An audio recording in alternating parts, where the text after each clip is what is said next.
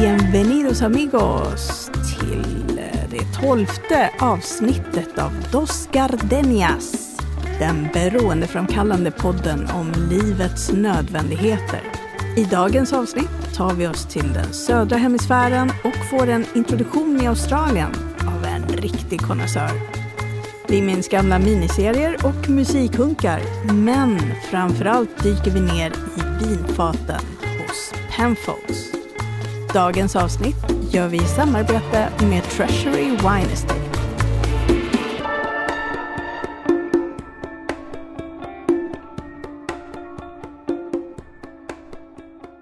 Välkomna ska ni vara till avsnitt 12! Dos. Vi är, ja, doce. Doce. Vi är så pepp, för nu ska vi till andra sidan världen i en tid partner. när man inte får resa.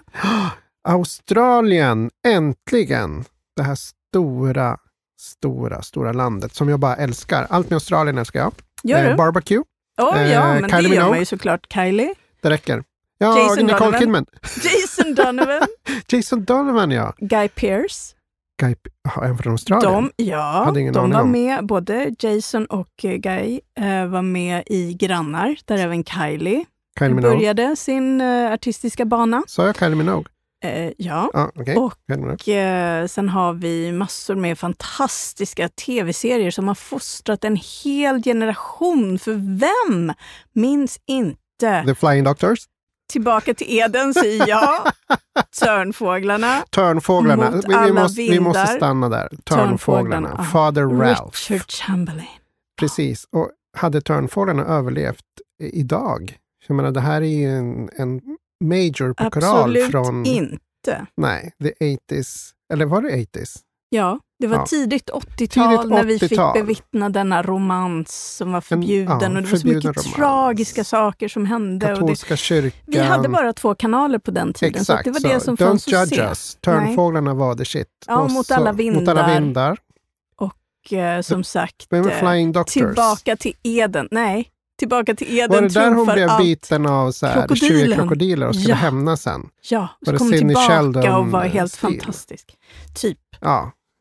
Ungdomar idag vet inte vad Sidney Sheldon-stil är. Det, det är Nej, ju så här, men ung kvinna förnedras, alternativt typ eh, nästan dödas och sen hämnas hon. det är som Kill Bill, fast liksom Bill, ja! 80-talstappning och lite mer åt, ska vi säga tantsnuskhållet. Tantsnusk. Ja, skitsamma. Precis. Men vi har även mycket annat från Australien som vi älskar. Vi älskar ju Du Krokodiljägaren. Jag älskar In Excess. Jag älskar Michael Hutchins. För mig är det Australiens gåva till världen.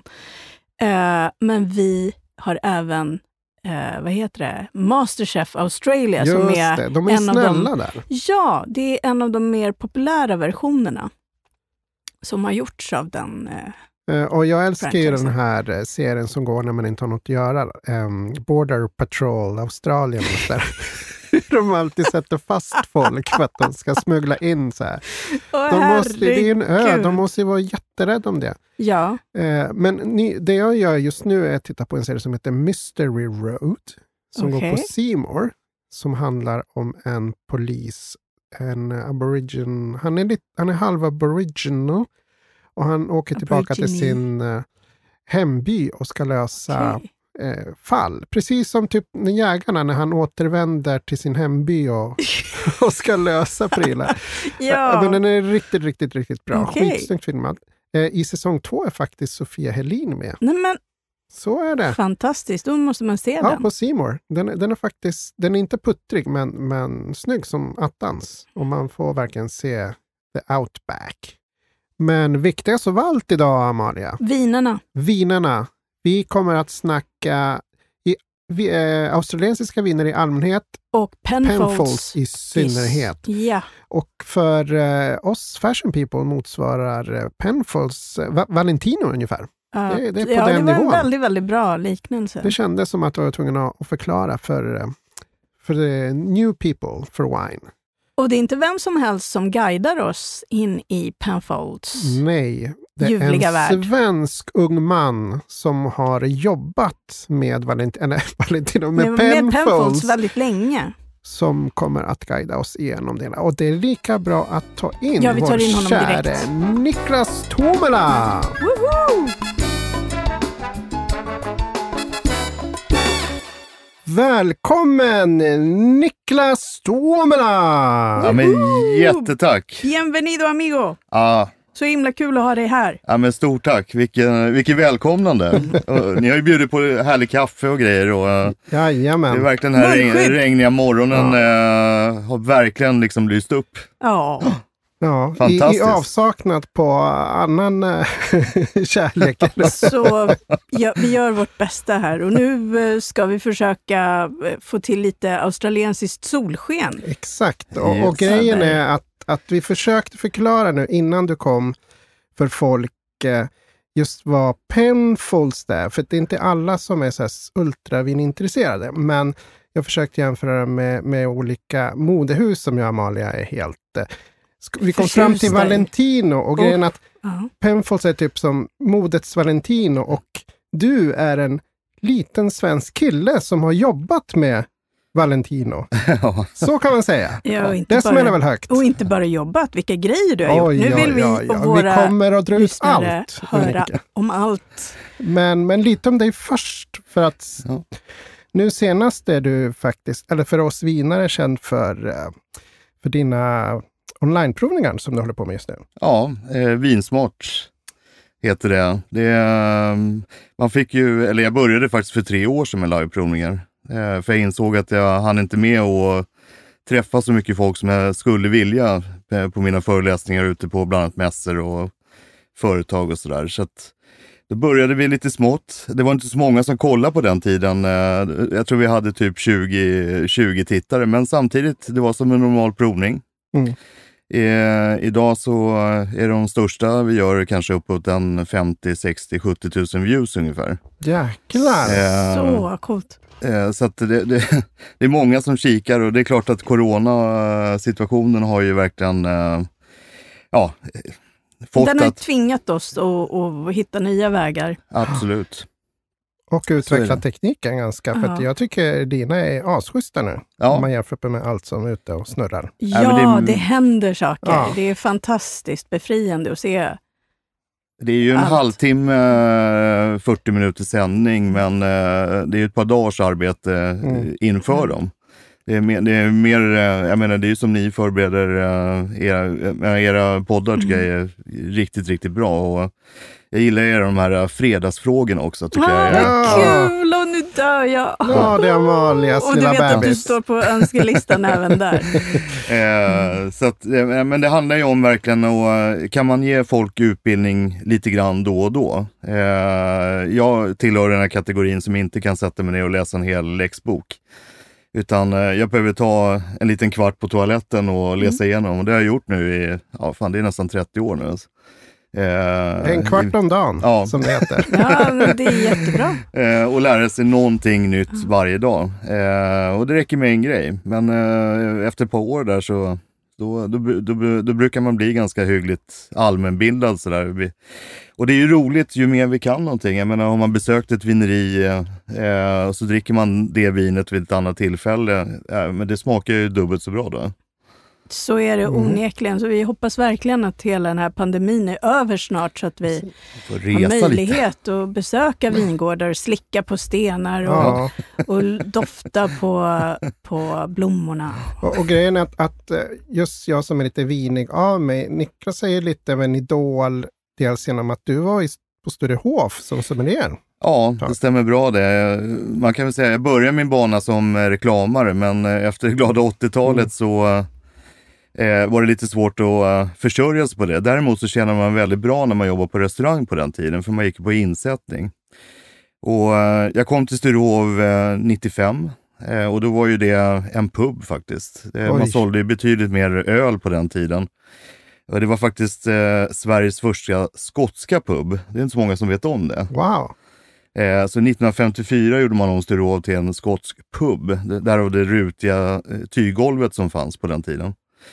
Men eh, jag kom ju dit eh, relativt ung, eh, kaxig.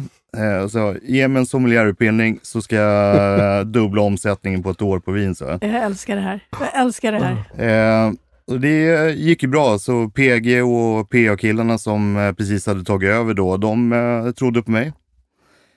Och ehm, jag gick ut som, eh, ja, det var faktiskt andra årskullen av sommelierer från restaurangakademin eh, i Sverige.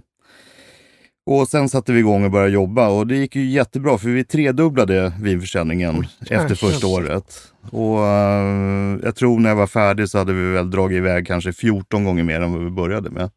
Innan jag slutade där då, 11 år senare. Alltså, det här är ju magiskt. Det här Så, är ju eh, svensk kroghistoria. Ja, nej, men Sturehof var ju, och det, man, det går liksom inte att förstå för att 95 då fick ju vi beställa vin eh, som vem som helst. Alltså vi fick faxat en lista från Systembolaget.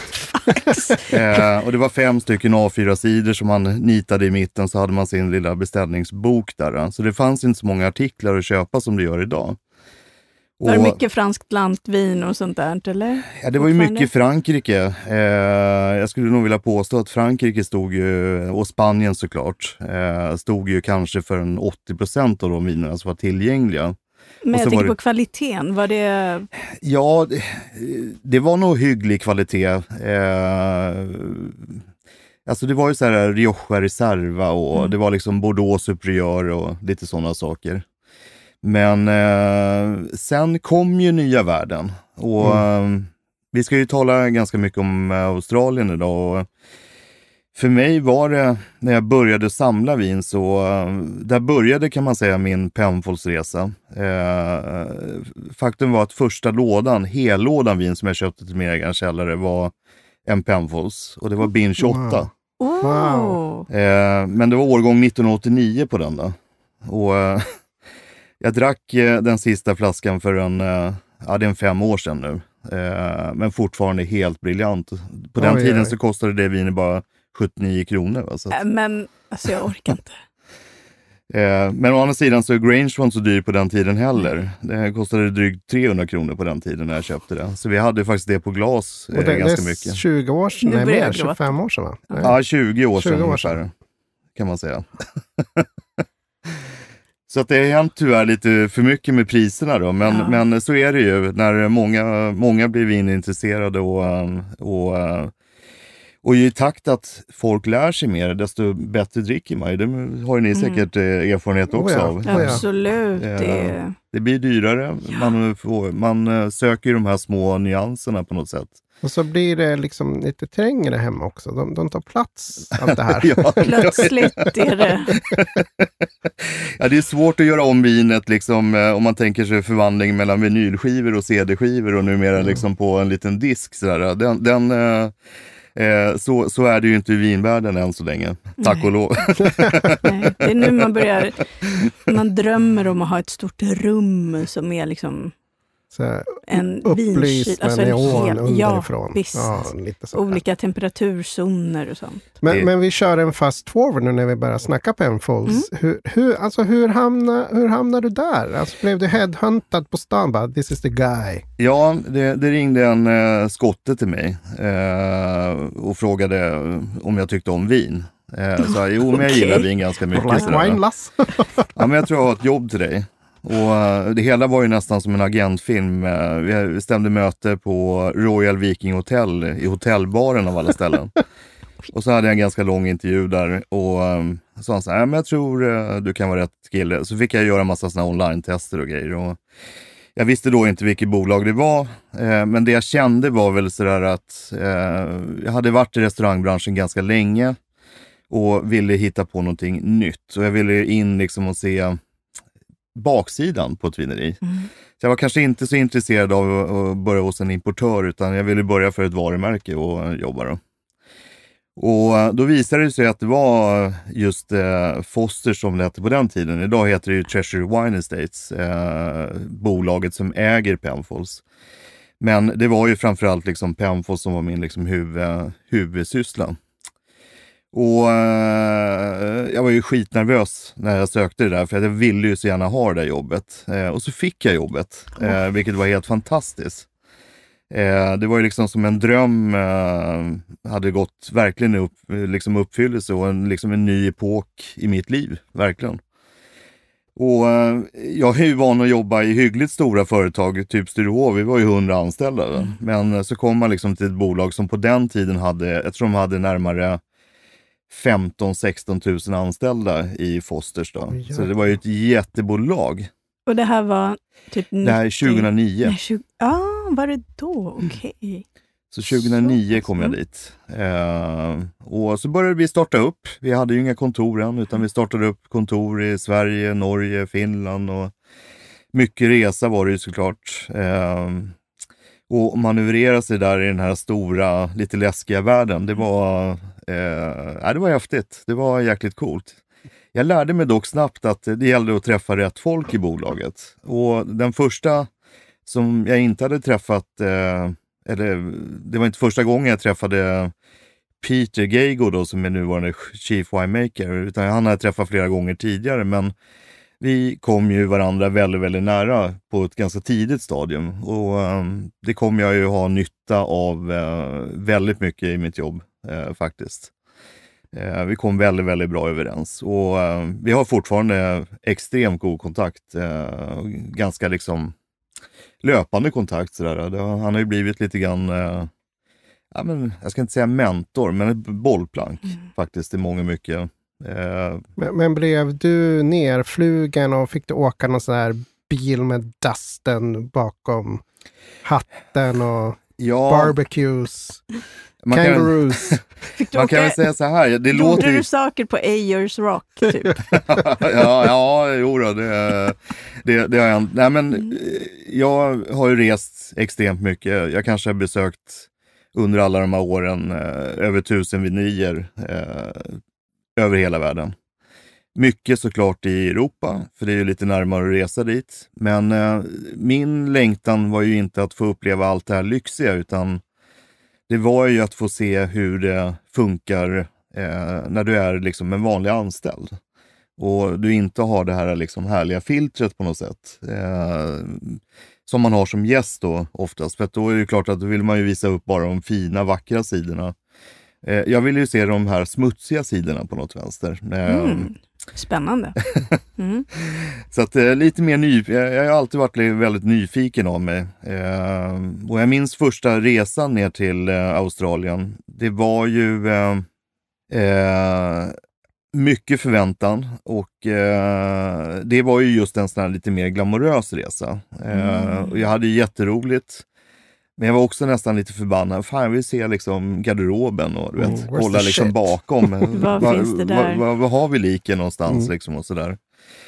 Eh, så att eh, jag längtade, medan jag var där så längtade jag faktiskt nästan till nästa resa jag skulle Mm. dit. Eh, för att då var det ju mer liksom en vanlig jobbresa. Man skulle få se liksom hur bländningen går till Mm. och allting sånt. Eh, så att, ehm, mm, andra resan. Då, Den var, det var då det hände. Det var då det hände. Det var då jag liksom eh, blev kär eh, på riktigt.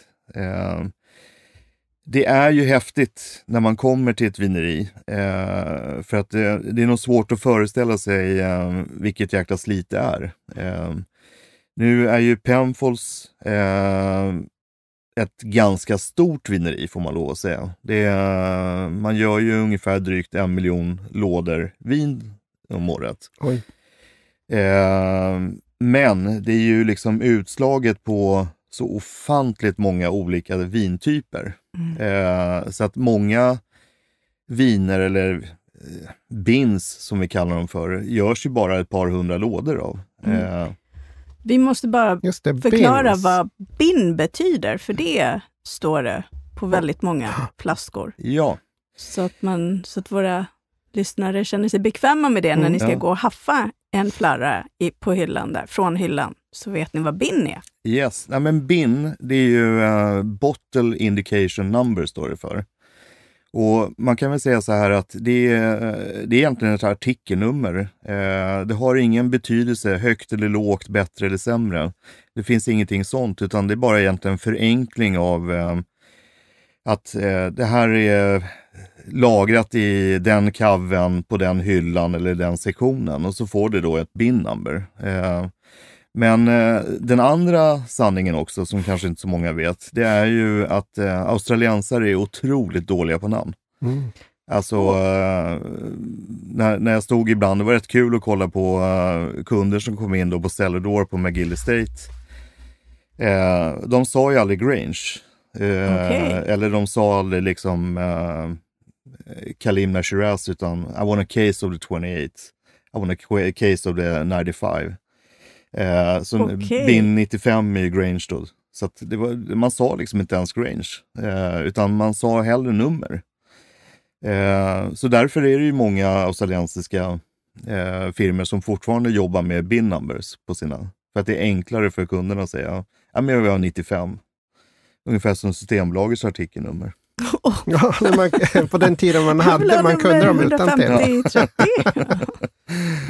150, 30. Men, men när vi pratar Grange nu, det, det, det är deras super um, high-end, Mm. eller hur?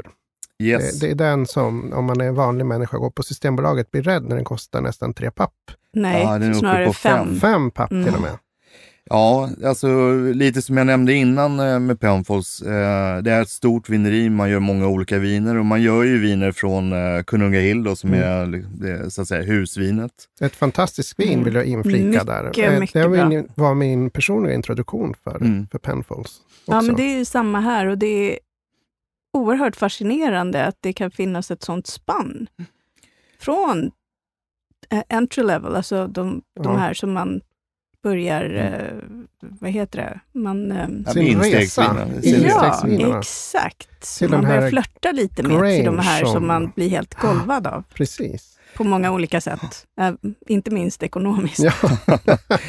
Nej, men så kommer vi upp då till Grange och man kan väl säga så som det fungerar på Penfolds. Jag brukar kalla det för, det är världens största boutique winery. För att alla lotter eller blocks, Mm. det är, eh, en lott eller en block, det är ju det- en, del av en vingård kan man säga. Eh, förs in och vinifieras helt separat. Eh, och lagras också helt separat. Och sen sker en ganska stor process, eh, det, vi, det vi kallar för blendingen då, när man ska göra de olika kuvéerna. Bin 28 ska bli bin 28 och Grange ska bli Grange. Och då gradar man först kvaliteten på eh, all druvjuice. Så uh, dubbel A, det är den finaste, det är ju det som går in i Grange. Tittar vi på Konunga Hill så är det kanske B-grade, eh, som är ungefär det sämsta. Eh, och B-grade, det är väldigt, väldigt bra. Men det kan vara till exempel att den har en, en, en ton som inte passar in i de övriga. Så att det är väldigt mycket, både kvaliteten såklart, men, eh, men eh, också stilen på vinet. Ja, för det ska ju ändå vara eh, consistent, alltså den ska ju hålla över tid. Man ska ju Ja. kunna känna igen, Yes. känna igen stilen som kund. Så bin 28 ska Så- alltid smaka liksom bin Mm. 28 och Konunga Hill ska ha sin stil eh, och Grange ska ha sin Mm. stil. Så att det händer ju ibland eh, att en hel del frukt som kanske tidigare år har gått in i Grange Mm. inte gör det utan kanske till och med hamnar i eh, Kalimna bin 28 eller bin Oh. 389 och så vidare. Va? Så att det, det, är, det, det beror helt på liksom hur årgången ser ut. Och vilket pusslande. Det, är- det, Det är det är som en stor mosaik skulle Mm. man kunna säga. Som man eh, börjar lägga. Den processen tar tre månader att genomgå. Och hur många är det då som... Ja, då är det ungefär Provar, sju, testar. Åtta winemakers Mm. som sitter liksom och gör eh, Mm. alla gradings och blends och så vidare. Va? Eh, det händer ibland att man tar eh, även hjälp utifrån av eh, James Halliday till exempel, är ju en Mm. eh, stor känd eh, eh, vinkritiker i Australien. Har varit med ganska mycket och provat på tidiga stadium och sådär. Det det är som så ett band som tar in studiomusiker ibland. Ja, men lite så, va? Nu lägger vi på en snygg bas. Då måste bara Mm. den personen få. Och kanske en second opinion sådär. Ja. Det, är, så att det, det, är, det är ett eh, enormt arbete. Jag har varit med i delar av den processen faktiskt. Och det är, ja, det är superhäftigt. Alltså. Det, är, det är då man fattar liksom att uh, det ligger extremt mycket jobb bakom även en flaska Konunga Hill. Ja, men visst. Eh, precis som det gör med Grange då. Grundjobbet är ju allt. Men, men en anekdot som jag tror jag läste, men jag hann aldrig undersöka, att Grangen hette ju Hermitage förut, eller hur? Ja, Det var väl fransmännen som blev sura som vanligt, Ja. antagligen. Det var ju, ringde. ja, men tittar man globalt sett eh, fram till 1989 så eh, då, då, det hände ju faktiskt till och med att, eh, jag vet Lindemans till exempel, de hade en eh, Semillon som de kallar för Hunter Valley Chablis. Mm. Eh, och eh, jag menar, i USA så kallar man eh, mycket sparkling för champagne och Tittar vi på Grange eh, så var ju alltid liksom förlagan eh, Hermitage, Frankrike. Det, det Eh, är alltså finns- en appellation i Frankrike som baseras på Shiraz, eller Syrah. Ja, exakt. Så det ligger ju strax söder om eh, Lyon där. Eh, gör väldigt liksom, strukturerade viner och eh, enormt hög nivå, både prismässigt och kvalitetsmässigt. Eh, men eh, man förstår ju fransmännen som håller på och kämpat med sina AOCer att eh, det kanske inte är så roligt att det kommer en australiensare liksom, och knycker deras namn på något vänster. Det är som eh, Skoda skulle skriva Mercedes-Benz liksom, Ja, på nej, bilen. det... det Eh, nu ska jag inte dra parallellen med Skoda i och för sig med Nej. Penpost. Det säger Audi då. Ja, Audi. Valentino skulle... Valent, exakt. Eh, men 1989 är, är sista årgången eh, som man både hittar vanlig Grange och Grange Hermitage. Det finns alltså eh, Okej. hälften etikerat med Hermitage och hälften med eh, Grange. Så det är lite Bara. samlarvärde på de där Ja, också. finns hade du samlare. några sådana flaskor i din Eh, låda? jag har, har inga Grange Nej. Hermitage-flaskor kvar från 89, utan jag har, eh, jag har faktiskt ingen 89 kvar, men 90 har jag. Oh, Eh, det är inte så dumt det heller faktiskt. Men, men, men vi kan uppehålla oss lite i, i Frankrike, för Penfoss och, och, och La France har ju haft eh, mysiga stunder ihop. Och jag kommer ihåg att det är exakt nästan ett år sedan vi träffades Mm. eh, när corona var i sin linda och det var en av de sista stora eventsen. ja, Eh, när innan, vi eh, firade lanseringen. Av någon fantastisk sak som Penfolds champagne och det måste du berätta mer om. För det Ja. är så häftigt så att Nej men eh, Peter Geigo då som är chefsvinmakare på Penfoss, han har ju varit på firman sedan 1989 och jag tror för alla som har träffat honom så är det nog ingen som har undgått att han är väldigt svag för champagne. Eh, så det har ju alltid funnits liksom en, en, en önskan om att eh, göra champagne någon gång. Man har provat att hitta liksom mycket sourcing i, i eh, Australien, framförallt i Tasmanien, men man kände ändå liksom att mm, det blir inte riktigt på samma sätt. Och då började man inleda och söka efter en partner i, eh, i Frankrike och champagne. För att eh, champagne är ju champagne. Ja, det är Eh, man tycker vad man vill om det, men det finns någonting unikt med champagne. Eh, det finns mycket bra grejer eh, andra ställen i världen också, men, men eh, det finns ändå liksom en stil på något vänster. Och det var samarbetet just med eh, TNO.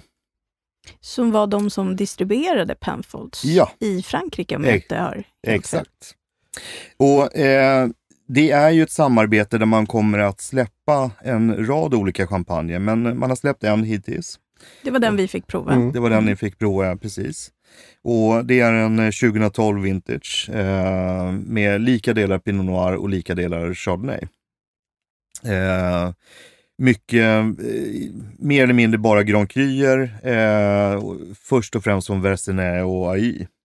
Eh, och det är ju en ganska kraftfull champagne. Eh, inte jättebillig heller, men eh, för er som gillar typ Boulanger eller kanske Kryg, eh, tror jag kommer uppskatta den här champagnen. För den har ju ganska mycket kraft, Mm. för den är nämligen fatjäst.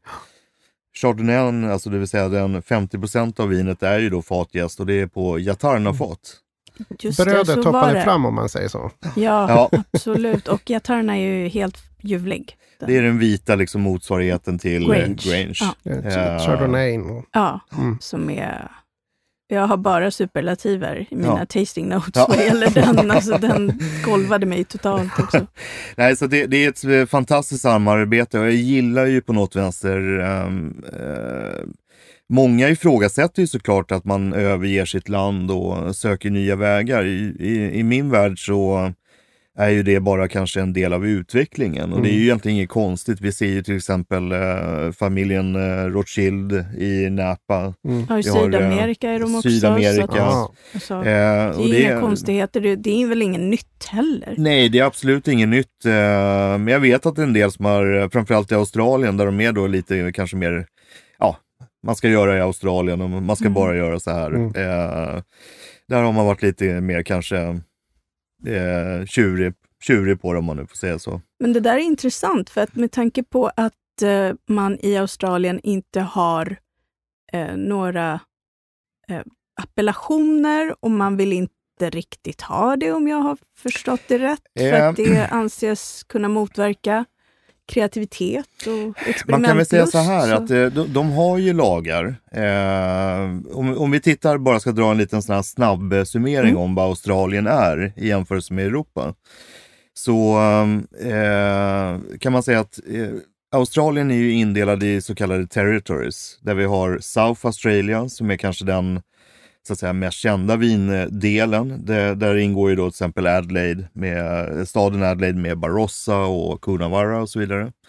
Sen har vi då eh, Hunter Valley eh, som ligger i New South Wales och vi har Victoria där vi har Pinot, Pinot och eh, Chardonnay-området runt Melbourne. Och sen har vi då Western Australia som eh, är ganska liten, det är den minsta delen. Där ligger ju Margaret River då och staden Perth. Eh, det är ju egentligen bara de områdena som fejsar eh, söderut mot vattnet eh, där, vi, eh, där vi gör vin eh, i Australien. Plus Tasmanien såklart också. Eh, och det har ju att göra med att det är ju vattnet som gör det möjligt plus svala vindar som blåser upp då från Sydpolen. För att tittar vi på Australien som, eh, som land så till ytan så är landet faktiskt större än Europa och den norra delen, alltså typ Algeriet, eh, ihop i, Mm, alltså i landyta. Och det är ju, eh, nu ska vi se så jag säger rätt här. Då. Eh, det är fem tidszoner inom landet. Eller fyra och en halv skulle man kunna säga, för det är Wow. bara en halvtimmes tidszon mellan Melbourne och Adelaide. Det är lite struligt, för man kommer alltid en halvtimme 30 före eller en halvtimme Oj, sent. Jävlar vad jobbigt. Eh, så att eh, där, eh, där gäller det liksom att ställa klockan rätt.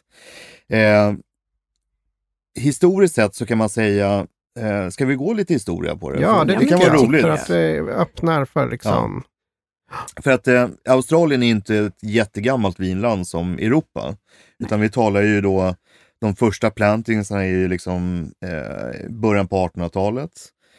Och eh, till en början så fungerade Australien som en eh, straffkoloni faktiskt. Eh, Det, det så- pratade vi Det lite om i Det har introt. vi lärt vi har oss lärt oss. Vi har sett så mycket. Från mot alla vindar och Tänk att ha ett etc. helt Europa som en stor fångläge. Liksom. Ja, det, är- så det insåg man ju ganska snabbt att det, det är ju lite dumt att inte bruka den mark som ändå finns här. Och då började man föra in infrastruktur och det första man gör med infrastruktur, det är ju faktiskt innan man ens börjar bygga vägar, det är ju att se till att det finns sjukvård. Och tittar vi då på eh, Penfolds då, Dr. Christopher Rawson Penfold, så var ju han eh, verksam läkare i eh, London, eller strax utanför London. Ehm, och började sin bana med att ta med sticklingar från Europa. Eh, och det är ju därför vi ser väldigt mycket liksom Syrah, Grenache, Mm. eh, eh, Mourvedre. Eh, mycket liksom syd... Är det den som heter Mataro? Mataro. I- Mataro, ja, Mataro. Mataro. Mataro. Det lät väldigt latinskt. Mataro. Mataro. det stämmer bra det. Och till en början så gjorde man ju bara vin för social, eller förlåt, för eh, medicinskt syfte. Mm. Det vill säga att eh, man använde vinet som en bas för mediciner. Då var de lite sötare va? Vinerna? Ja, det var portviner. Det var så att det var portviner. fortifierade viner. Mm. Så Penfolds gjorde inga torra bordsviner eh, till en början, utan det bara söta portviner. Och eh, jag har ju varit och sprungit ganska mycket på eh, McGill Estate där. Eh, Som Där, är, eh, som är liksom... den, som vi- gården där allt ja, började. Där allting Mm. började. Eh, Det hette ju från början då Alduana faktiskt, men, men eh, numera så är det ju McGill Estate. Eh, och där hänger en sån här gammal ordimentstavla, alltså ett recept. Eh, och jag älskade receptet för att det, det var en herre som hade grav migrän. Och då ordinerade Dr. Christopher Rawson Penfold. Medicinen var att inta en liter portvin dagligen under två veckor. Gud så ljuvligt. Han måste ju ha mått det där måste vi ha. Vi måste det, där, prova det alltså, här. det är corona. Det är Ja. borta på två veckor. Liksom eh, det, det, det, för er som inte har varit där, eh, när vi får börja resa igen, res till Adelaide och McGill Estate för att det är ett magiskt ställe som bara liksom pulserar historia. Men historien fortsätter. Eh, vi kommer till slutet på första världskriget. Eh, Europa är ju eh, lite trasigt, kan man ju lugnt påstå. Eh, Dr. Christopher Rawson Penfold är inte längre den som driver bolaget utan det är hans fru Mm. Mary Penfolds tillsammans med sin son. Cherchella. Fam. Det var Ja. ju hon som utvecklade Ja. ganska Det är hon som man nog får säga är Penfolds. orsaken till vad Penfolds Ja. är som det är idag. Tillsammans med sin svärson Thomas Highland. Bakom varje framgångsrik vinproducent står en kvinna. Jajamän. det kan man eh, lugnt säga. Men hon drev det här med järnhand. Och i takt med att invandringen började komma, eh, först och främst från europeer till Australien, då kom ju också efterfrågan på torra röda bordsviner. Och det är ju också upptakten till Grange, eh, som är då Penfolds topp eller flagship-vin. Eh, det är egentligen det första kommersiella torra vin som Penfolds gör. Hur, hur togs det emot?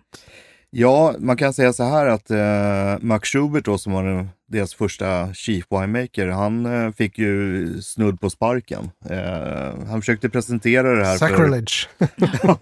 Ja, men tänk dig en styrelse som bara har druckit portvin hela Mm. sitt liv och sen helt plötsligt ska de få ett vin som är 12,5 procent Mm. starkt och helt knastertorrt och strävt som tusan. Det blir ju liksom chock. Va? Så jag förstår att de inte riktigt uppskattade hans eh, försök. Men eh, han eh, prövar ju på det och är ju väldigt starkt övertygad om, för att han har rest runt ganska mycket i Europa. Hans huvudsakliga liksom, syfte med resan var att lära sig mer om portvinstillverkning, men han drog ju till Bordeaux istället. Eh, Så kan det bli. Eh, och ehm, sänder sen in eh, 1955 Grange till eh, en tävling och den vinner liksom storslam, eh, inte bara Australien utan globalt. Och det är ju på något vänster startskottet till eh, liksom den australienska vinnäringen vad den är idag. Så att Grange har ju inte bara liksom ett eh, värde för Penfolds utan det, det, det är ju bokstavligen ett värde för hela Australien. Och, Det är väl så att Grange är en eh, sån här eh, heritage Ja. icon. En, Det, det är faktiskt det enda vinet som tillsammans med, eh, för Grange, det är egentligen eh, läkarmottagningen på McGill Estate. Det är lilla huset och här kan man verkligen gå in på Google Earth och kolla. Och slå in eh, McGill Estate eh, och så zoomar den in där. Då ser man den lilla, lilla pricken mellan de här fem blocken och det är Grange. Och det är också så att säga namnet på, på vinet då. det finns, den finns bevarad, den lilla mottagningen. Ja, oh ja absolut. Mm. Den finns kvar och den, är, den eh, restaureras och ses, den, den får liksom inte försvinna. Den Nej. går inte att riva eller någonting. Va? Så det, det är ju onekligen ett hus med eh, mycket historia. Eh, och det som är ballt är ju att alla som jobbar där har jobbat eh, sedan de var barnsben skulle jag vilja säga. Ja, Andrew Baldwin eh, som är en av liksom Peter Gagos högra män. Han har ju varit där sedan början på 80-talet. Eh, det är en Steph Dutton, hon har varit där, jag tror hon har varit där yngst. Mm. Eh, vad är det, 13 år nu?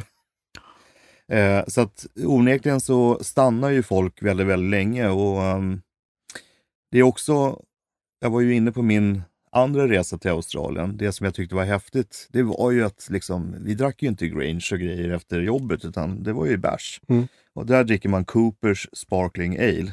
Okej. Sparkling Det är- ale minsann. Det, det är liksom eh, vinmakarbärsen där och så äter man pizza. Eh, för att det provas väldigt mycket vin. Ja, men såklart. det Mm. smakar ju aldrig så gott med en bärs som efter, det är efter helt att ha provat vin en hel dag. Det är, det är så sjukt gott. Nej, så eh, det, är, det är ju Penfolds.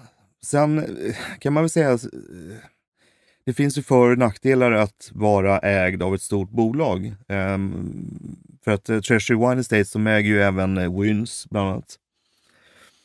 Men eh, styrkan är ju att man äger så enormt mycket vingårdar. Eh, vilket gör då att eh, du har möjligheten att liksom verkligen sourca bästa av bästa av bästa. Och det gör ju många avundsjuka, inte bara i Australien. Nej. Eh, utan eh, vi tittar även eh, på andra länder som Frankrike, Spanien och Italien. Och då kommer vi onekligen in på liksom hur eh, vinlagarna, och det låter så tråkigt va, men det är väldigt enkelt i Australien. Vi har de här fem territories som vi nämnde Mm. tidigare. I varje territory så har du då regioner och det finns 65 regioner i Australien. Oh. Där Barossa är kanske en av de kändaste. Eh, Men såklart så har vi ju Hunter Valley med eh, Semillon och vi har eh, Victoria med eh, Yarra Valley, Mornington Peninsula för Pinot. Och, och vi har Cabernet, eh, alltså Cabernet-området eh, Coonawarra tillsammans då med Margaret River till exempel. Men sen finns det en jätte, eh, och det, det är väl lite det du var inne på, eh, att man har ju lättat upp lite grann för vinnäringen. Det innebär att man har den så kallade 85%-regeln. Så det innebär att eh, i en flaska vin där det står Shiraz på etiketten så har man rätt alltså upp till 15% att blanda in Cabernet eller Mhm. den druvan Någonting som du vill. Mm. Eh, men det gäller också Barossa. Eh, så att du kan blanda in 15% av Coonawarra i en Barossa. Så länge det är 85% Barossa så är det en Barossa. Och det gör då att du kan liksom säkerställa kvalitet.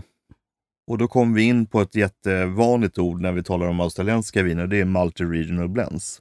All right. Och det är liksom så att säga det som säkrar upp kvaliteten. Att liksom, och kanske också, det är inte bara, många säger så här, men ni har ju sol hela tiden. Det är det som gör att det är väldigt hög och jämn kvalitet. Jag menar, solen det är vår bästa vän, men det är också vår värsta fiende på något sätt. Ja, för man har väl problem där med bevattning. Alltså Bevattning man, är ett jättestort problem. Eh, men å andra sidan då som eh, när vi tittar liksom på högkvalitetsviner så har vi också väldigt gamla stockar och gamla stockar tål ju eh, torka på ett helt annat sätt än vad en ung stock gör.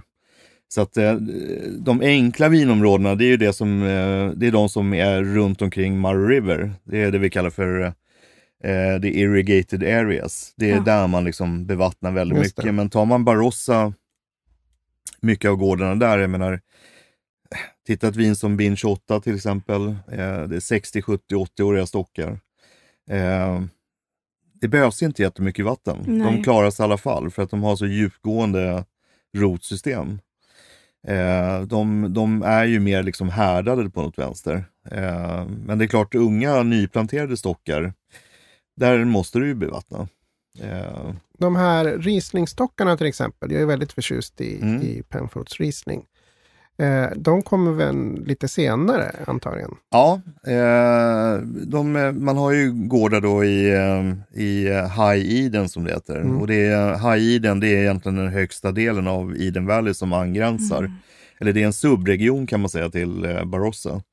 Eh, där är vi på en höjd på 400-425 meter höjd över havet så att vi får ju svalka både av altityd men det är också liksom eh, från staden Adelaide så blåser det in svala vindar, eh, framförallt nattetid, så att det är ganska svalt på nätterna där.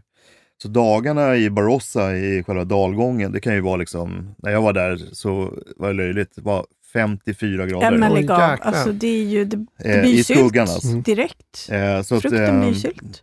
Ja, samtidigt eh, om vi tittar på druvan Shiraz och du har gamla Shiraz-gårdar Såklart. så är skalen så enormt tjocka. Eh, och det gäller ju även Cabernet. Va? Mm. Så att eh, tjockleken på de här skalen gör ju att vi eh, får en helt annan liksom, härdning mot solen. Det är kanske därför som vi egentligen bara ser Shiraz och Cabernet i Barossa mestadels. Så någon stackars Pinot Noir skulle inte orka med. Nej, Nej, det, de, de skulle borde- tvärdö direkt. Va? Det är Ja. alldeles Tortyr. varmt där. för min eh, favorit, eh, Red Winemaking Trial, Mm. Eh, den, de, vad Ja. heter det, eh, vinet kommer från gamla stockar där har jag förstått. Yes, det är RWT då som Mm. eh, Åh, det här, det alltså jag heter. börjar salivera bara. Jag ser att Det smälter här. Nej, men man kan väl säga att eh, vi har ju talat mycket med, om eh, Penfolds och den eh, kopplingen med Frankrike. Och eh, faktum är att eh, RWT är ju eh, en sån koppling, definitivt. Eh, för det är en av de få vinerna som ligger 100% på fransk ek. Eh, och ehm, till en början så la man det på 100% ny ek. Idag har man dragit ner lite användandet av ny ek för att liksom verkligen lyfta fram frukten. Eh, men det är 100% Barossa och det är eh, egentligen tre gårdar eh, som, eh, och de ligger allra västerut. Så den västra delen i Barossa, det är där vi kallar för Grand Cru i Barossa. Eh, för den jordmånen är, ja vad ska man säga, den är väldigt karg. Eh, vi har ganska mycket limestone så du får liksom väldigt Ah, mineraldrivna okej. gårdar. Mm. Så att första metern är liksom limestone och sen så är det mer eller mindre berg. Eh, så att det är där du får liksom tanninstrukturen. Och det är ju lite det som o... Eh, när vi talar Penfolds, när vi internt pratade Penfolds så, så pratar vi väldigt sällan om frukt i den bemärkelsen, men däremot liksom tannin management. Att liksom verkligen se till att tanninerna är silkiga. Eh, det är mycket tanniner. Och tittar vi på Penfolds, det är lagring. Eh, det är ju de vinerna som eh, jag vill nog påstå bygger på lagring. Även Kunungahill. Ja, och det känns skönt att man jobbar inte liksom att, att just i lagringen med nya eh, fat, att det är enkel väg ut, utan att, att man använder äldre fat. Ja, men det, det, och det är ju, det här är ganska roligt när man, det, det finns ju alltid en finansavdelning på, och eh, jag, jag minns väl när jag precis började, de klagade alltid på att det, var- det var så dyra omkostnader på Penfolds och dyra fat. Och, men samtidigt så har man ju ganska dyra priser så att det måste vara det bästa. Och korkarna, det är liksom en dollar styck eh, korkar, så det är, det är 10 spänn för en kork. Eh, nu har man ju börjat då experimentera mer med liksom screw caps och glaskorkar och, och så vidare. Men eh, finans var alltid på dem. Ni, ni spenderar för mycket pengar på liksom, råkosten. Eh, så att ingen annan blir alltid gladare än dem när man börjar liksom återanvända fat. Va? Men samtidigt så det är ju lite den trenden vi ser i hela Mm. världen. Att eh, man drar ner lite. Jag menar fathanteringen, den ska ju bara vara där för att lyfta frukten på Exakt, något vänster. inte liksom Inte styra. över. helt- nej. Sen finns det ju undantag som eh, Gigal med deras eh, lallabiner som ligger fyra år på ek. Men eh, ja, eh, där vill jag nog inte att de ska ändra det på något vänster. Det är ju fantastiska viner. Va? Så att, eh, Jo, eh, Nicke, på tal om, om vin, just de specifika viner. Alla bör ju naturligtvis köra Rosons intro. Konungahill. Konungahill. Precis, det är, liksom, det är ju ett baskrav, tycker jag. Men sen har vi lite enstaka viner som både jag och Amalia har blivit smått förälskade i. Och jag nämnde tidigare om, om Riesling. Jag är lite... Amalia har smittat mig med Rieslingsjukan för ja, det är kanske två år sedan. Ja, Men, det är eh, världens bästa druva. Så är det bara. Och Mm. den, Bin 51, eller 51, som jag råkade komma över. Det var helt magiskt som jag hade till en tikka masala faktiskt. Den höll ju hela vägen ut med en sån otroligt fin frukt. Kan du berätta mer om den? Absolut. Nej, men, eh, jag, jag, först och främst, jag håller med. Riesling är ju en eh, fantastisk druva. Det är väldigt få gånger man får ett dåligt exemplar av Riesling. Eh, och många tror ju att det bara ska smaka sött om det, va? men eh, tvärtom så eh, Riesling eh, är ju viner som är eh, väldigt höga i syran. Eh, och såklart så har de sitt ursprung med Tyskland och, och Österrike. Det är väl kanske liksom förbilderna på något vänster. Och Australisk Riesling och Bin 51 den kommer från Eden Valley. Och det vi kallar för High Eden. Eh, hög altitud. Och det är det som gör att vi får liksom eh, svalkan eller tillräcklig svalka. Eh, man gör väldigt lite av eh, Bin 51. Eh, jag tror att vi, vi talar om kanske max 1000 lådor. Wow. Eh, om du jämför då mot Tonro Chill som görs ungefär 45 000 lådor så är det ju eh, extremt Oj, liten väldigt produktion. exklusivt. Det var, Ja, men det är ganska exklusivt och eh, överlag eh, de vita vinerna från Penfolds är ju väldigt små Eh, väldigt, väldigt små produktioner. Och vi får väl bara hit en, en liten del av Ja, det är Hela- extremt, eh, hela extremt lite. paletten så att säga. Och eh, just eh, i den, jag, om man nu ska dra en jämförelse, det ska man egentligen aldrig göra, men så brukar jag säga att eh, Eden Valley Riesling, det brukar påminna mer om tysk Riesling. Mm. Och sen har vi det andra området, det är Clare Valley eh, Riesling, som ligger då lite längre norrut. Det påminner lite mer om Österrikes Riesling, för de är lite mer limezestiga och lite mer liksom pushiga, aggressiva i stilen. Jag hade Eh, behövt prata med dig innan jag gjorde min sommelierprov.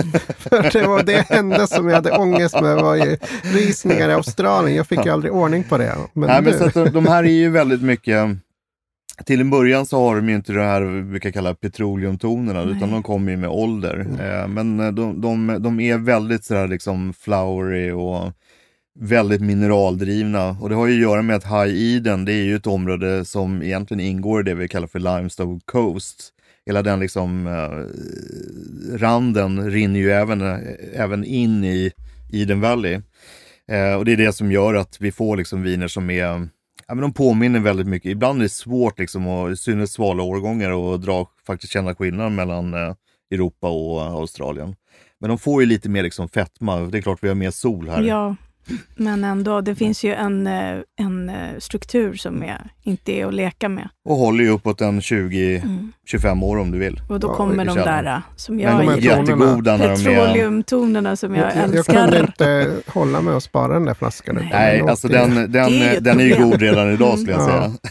säga. Eh, Jag tror att den går ju att få tag i på Winefinder. Ja. Runt 350-400 Någonting dagspriser. sånt. Någonting sånt. Ja. Så det, men det kan vi lägga ut på, på sajten sen. Ja, ni hittar all, All- information all info om om, det vi har pratat vi- om vi och pratar vinerna. om. Jag hade också en liten eh, till favvo och Mm. den är som vi kallar för överkomligt. För Penfolds är ändå en liten, för normala eh, konsumenter, lite högre pris. Eh, men för oss galningar är det helt normalt. Det är eh, 407, Mm, eh, en, en cab, just det. som jag Och, är um, väldigt förtjust i. Det, är- jag älskar det vinet också. Det, um, man skulle kunna kalla det för en liten lillebrorsa till Bin 707 som är, det är ju Oh, ofantligt dyrt. Supercabben. Supercaben för 3 500. Det här är ju inte så dyrt. Nej, utan eh, jag tror det det, här är 400 något på, Ja. på bolaget. 400, det lägger vi också ut. någonstans på. där. Ja. Men eh, det är en 100% cabernet eh, där eh, mycket av druvorna kommer från eh, Coonawarra. Eh, sen har man även liten del Barossa-frukt i det. Och då kan man säga att Coonawarra det är ett område som ligger sex timmar bilväg rakt söder om eh, Adelaide. 407 är ju ett område som ligger sex eh, mil eh, söder om eh, Adelaide. Eh, det är ett område som eh, jordmånen brukar kallas för Terra Rosa. Det är väldigt Mm. helt illröd jord. Eh, Mycket järn va? mycket järn, så det är ju liksom rost vi ser. Eh, men det är helt platt. Och Grand Cryn där, det följer egentligen, det är de gårdarna som ligger eh, jämte huvudvägen som går genom hela eh. Eh, för den eh, vägen är lite upphöjd. Och då kan jag säga, just nu så står du på berget i Coonawarra. Och det berget är en och en halv meter högt. Så det, det är väldigt flackt. Så det är ett otroligt tråkigt område egentligen. Och det händer inte speciellt mycket, men vinerna de gör där är fantastiska. Och det, det är faktiskt så att man delar Vineyard Manager, eller manager, han som sköter om vingårdarna med Wyns. Han heter Mhm. Alan Jenkins. Eh, och det är, ehm, eh, jag träffar många vingårdsansvariga, men det där är en av de coolaste gubbarna jag någonsin har träffat i mitt liv. Jag lärde mig så sjukt mycket av att gå med honom en hel dag.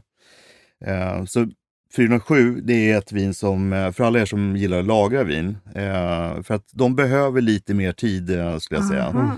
Mm. De är ju goda att dricka unga, men eh, kan man bara ge sig tåls, eh, säg en två, tre år, eh, så skulle jag vilja säga att då, då är man inte så långt ifrån bin 707. Åh. Oj, oj, oj. Eh, och man lägger ju de här då eh, på en mix av fransk och amerikansk ek. Underbart vin. Så att eh, hittar ni det, tyvärr så kommer det väldigt lite av det för det gör, eh, det är inte så många ställen man gör cabernet på. Eh, och Penfoss gör väldigt lite cabernet. Mm. Men just senaste släppet så skulle jag säga generellt sett, allting som innehåller cabernet är magiskt. Då Så eh, bra måste, favoriter skulle jag säga. Ja, Underbara. Ja, vi har samma smak. kommer jag in här då, som en, en, och går i en helt annan riktning. Min superfavvo var ju Red Winemaking Trail, yes. RWT, eller RVT. RVT. RVT. Ja, kärt barn har många namn. Tungvrickande namn skulle jag Ja, Men alltså vilken magisk, magisk, magisk, magisk syra. det är Helt galen. Eh, när man gjorde det här vinet, vilket var första årgången 97, så eh, då hade man ju det här att man vill liksom förstärka sammankopplingen med Frankrike. Eh, så att det, det är ju essensen av Barossa Shiraz. Det är tre vingårdar som ligger eh, i den västra delen i Barossa som är Grand Cru. Och det här vinet ligger 100% på fransk, eh, fransk ek. Eh, det- jag, när jag provade, jag var med på lanseringen av 97an. Eh, då var det ju John Duval på den tiden som lanserade. Jag var inte jätteförtjust i det vinet ska jag säga, eh, första årgången. Eh, utan jag behövde nog, eh, för det skiljer sig ganska mycket från Penfolds övriga viner, men det har ju den här liksom yppiga, men jätteyppig frukt. Jag skulle vilja säga att det påminner många mycket nästan lite som en Côte i stilen. Mycket. Mm. Eh, och de sista, man säger, från 2000, man behövde nog ha tre år. Eh, så hittar ni äldre, får inte jag egentligen säga. så 97 till 2000, jag skulle inte kanske köpa dem, även fast 98 är väldigt högt ratad. Men utan efter 2000 då börjar det hända grejer med RWT Okej. och idag så är det ju liksom, det är ett fantastiskt vin. Eh, jag, eh, inte en av mina toppfavoriter, Mm. men eh, det är djävulusiskt bra. Och i Mm. jämförelse vad du får betala till exempel med Grange så är det ju eh, eh, då är det bra köp. Mycket bra köp. Runt en tusenlapp Ja. ligger den på. Eh, men jag är också väldigt, väldigt svag för GSM-viner. Ja, Mm. Så att BIN 138 ja. GSM. ja men det är ett sådant här, eh, från början så var ju det ett vin som man egentligen gjorde för restauranger. Eh, och sen så eh, kom det, eh, skickades fel tror jag. Eh, och sen så började det spridas Jag mer. älskar det.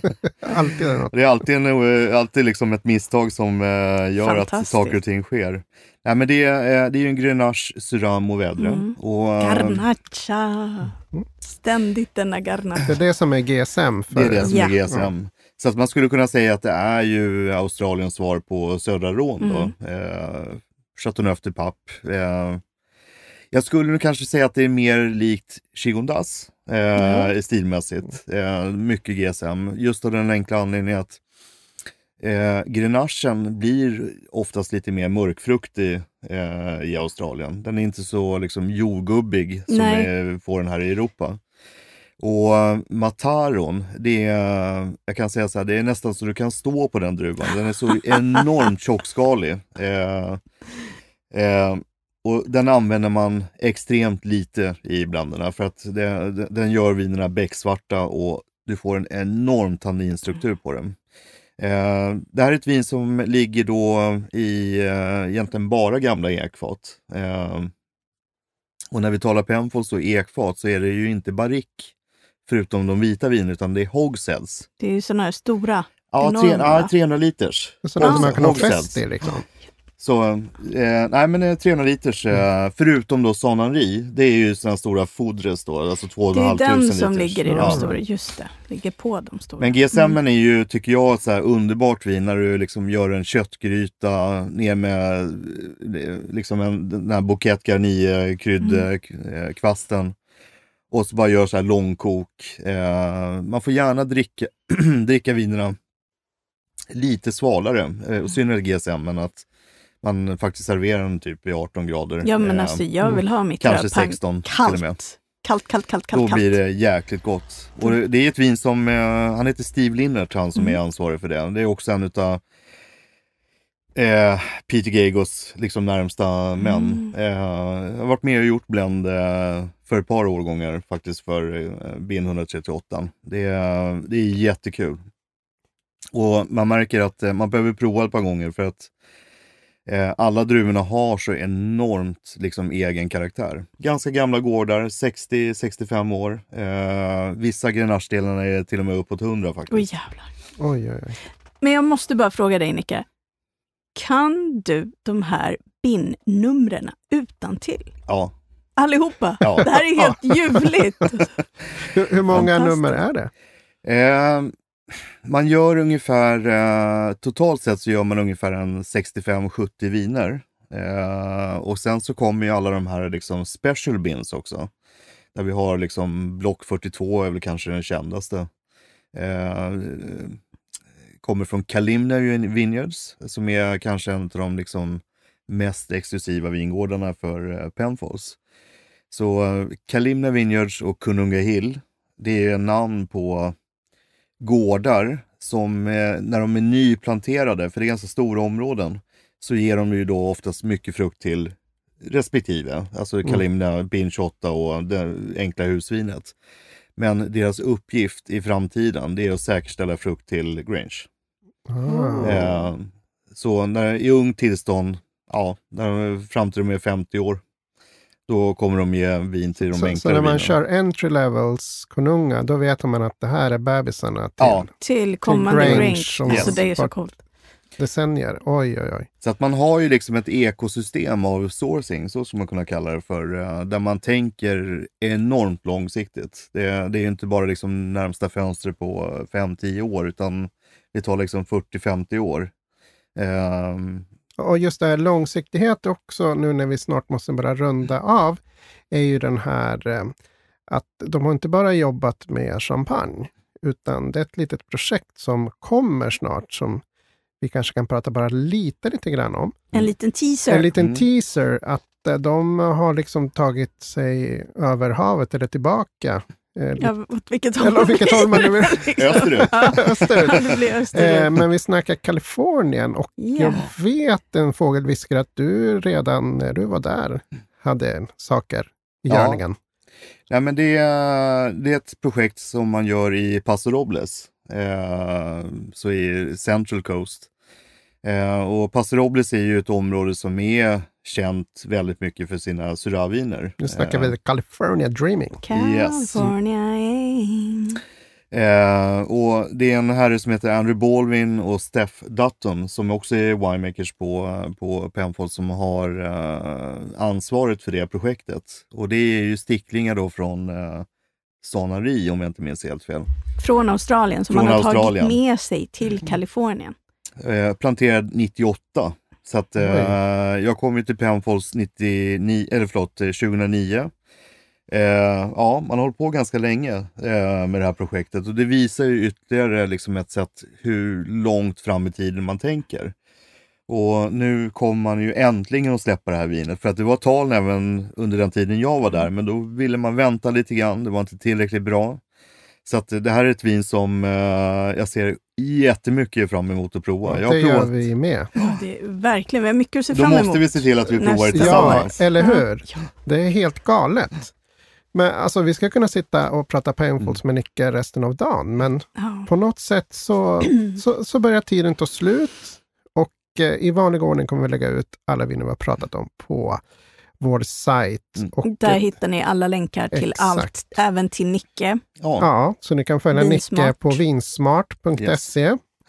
Eh, och eh, ja, Amalia, Vad ska vi säga? vi, vi har inget att säga. Vi är Nej. helt blown away. Ja, av en tasmansk jävel tänkte jag säga. Vi är inte bara tasmanskt, men Det, det jag skulle vilja bara avsluta lite grann, eh, det är ju eh, först och främst jättetack för att jag fick komma hit. Alltså det var, ni är ju eh, så underbara människor som det verkligen eh, Tårarna rinner. Sätter sluta. eh, färg på vinvärlden. Eh, Och det tror jag är mycket, för att vinvärlden handlar ju väldigt mycket om eh, det är storytelling och eh, det är upplevelse att man har besökt ett vineri eller man kanske har liksom olika vad ska man säga, olika erfarenheter och tillfällen som man har upplevt olika viner på. För mig, eh, jag brukar säga, jag är världens lyckligaste. Jag fick göra det, det jag ville. Nu, familjen tyckte inte om att jag reste, annars hade Nej, jag nog fortfarande varit kvar eh, och jobbat för Penfolds. Men eh, familjen är ju viktigast eh, i min Mm. värld i alla fall. Eh, men sen två Du sitter viner. här Ni- med ni- två latinos. Så att, Ja. Nej, men det är alltså i dessa tider också, vin och mat, det är liksom, det är en resa Mm. i sig. Öppna en flaska så, så är ni där. ja, och vi kan ju inte resa, så det blir Nej. ännu viktigare. Så att, eh, nej, men vi kanske ska göra en eh, liten sån här onlineprovning med Penfolds tillsammans och bara mata dröm. igenom det. Så här. Vi får göra, det, det får vi sätta som ett så här pra, framtidsprojekt. Eller hur? Men eh, jag skulle bara vilja slå ett litet slag. Eh, Yes. och det är faktiskt BIN 389. Åh, Ja, där kom det. Han, den- han hade den i, Ja. i, in the sleeve. Den? Eh, nej, men det är ett sånt här vin som jag tycker, eh, det är ett av världens mest samlade viner. Eh, man brukar kalla den för Baby Grange och det är lite fånigt, det är nog mycket marketing bakom det. Det har att göra med att eh, Shiraz-delen av den ligger på gamla Grange-fat. Eh, men det är också väldigt mycket frukt som inte går in i Gr- Grange, eh, går in i bin 389. Och mycket av den frukten som inte går in i 707 eh, eller 407 går in i 389. Så det är ju en blend mellan Oh. Cabernet Wow. och Shiraz. Eh, Inget går till spillo om man Nej. säger så. Senaste årgången 2018 är, ja, men jag har följt det vinet nu i 25 år kanske. Eh, men det är i särklass skulle jag vilja säga topp tre. Eh, ung 389 har provat. Hur, hur länge ska vi hålla den i källaren? Det är ett vin som om du vill eh, håller 30 år utan problem. Oj, Oh. oj, oj. Eh, men eh, återigen, när vi talar om lagring av vin så händer det väldigt mycket i vinerna de första två åren. Jag skulle vilja påstå att de första två, tre åren så sker 50% av mognaden. Sen eh, det som kommer efter, ja det är väldigt, väldigt smått. Då, kan man, då får man vänta länge, men du får en stor utväxling av vinet bara efter två, tre år. Alltså då pratar vi från att man har köpt den. Ja. Från en För då har release den liksom. ju, precis, för då har den redan legat ett litet tag. Men ja, så det är nu- 2018 nu. Ja. Alltså den, den är ju eh, två år drygt. Eh, så att ge den två, tre år till, Mm. då händer det mycket. Alltså. Oh, det tar vi till oss. Mm. Med de orden säger vi adios amigo. Tack Nicke! Tackar. Muchas gracias. Ja, tack snälla.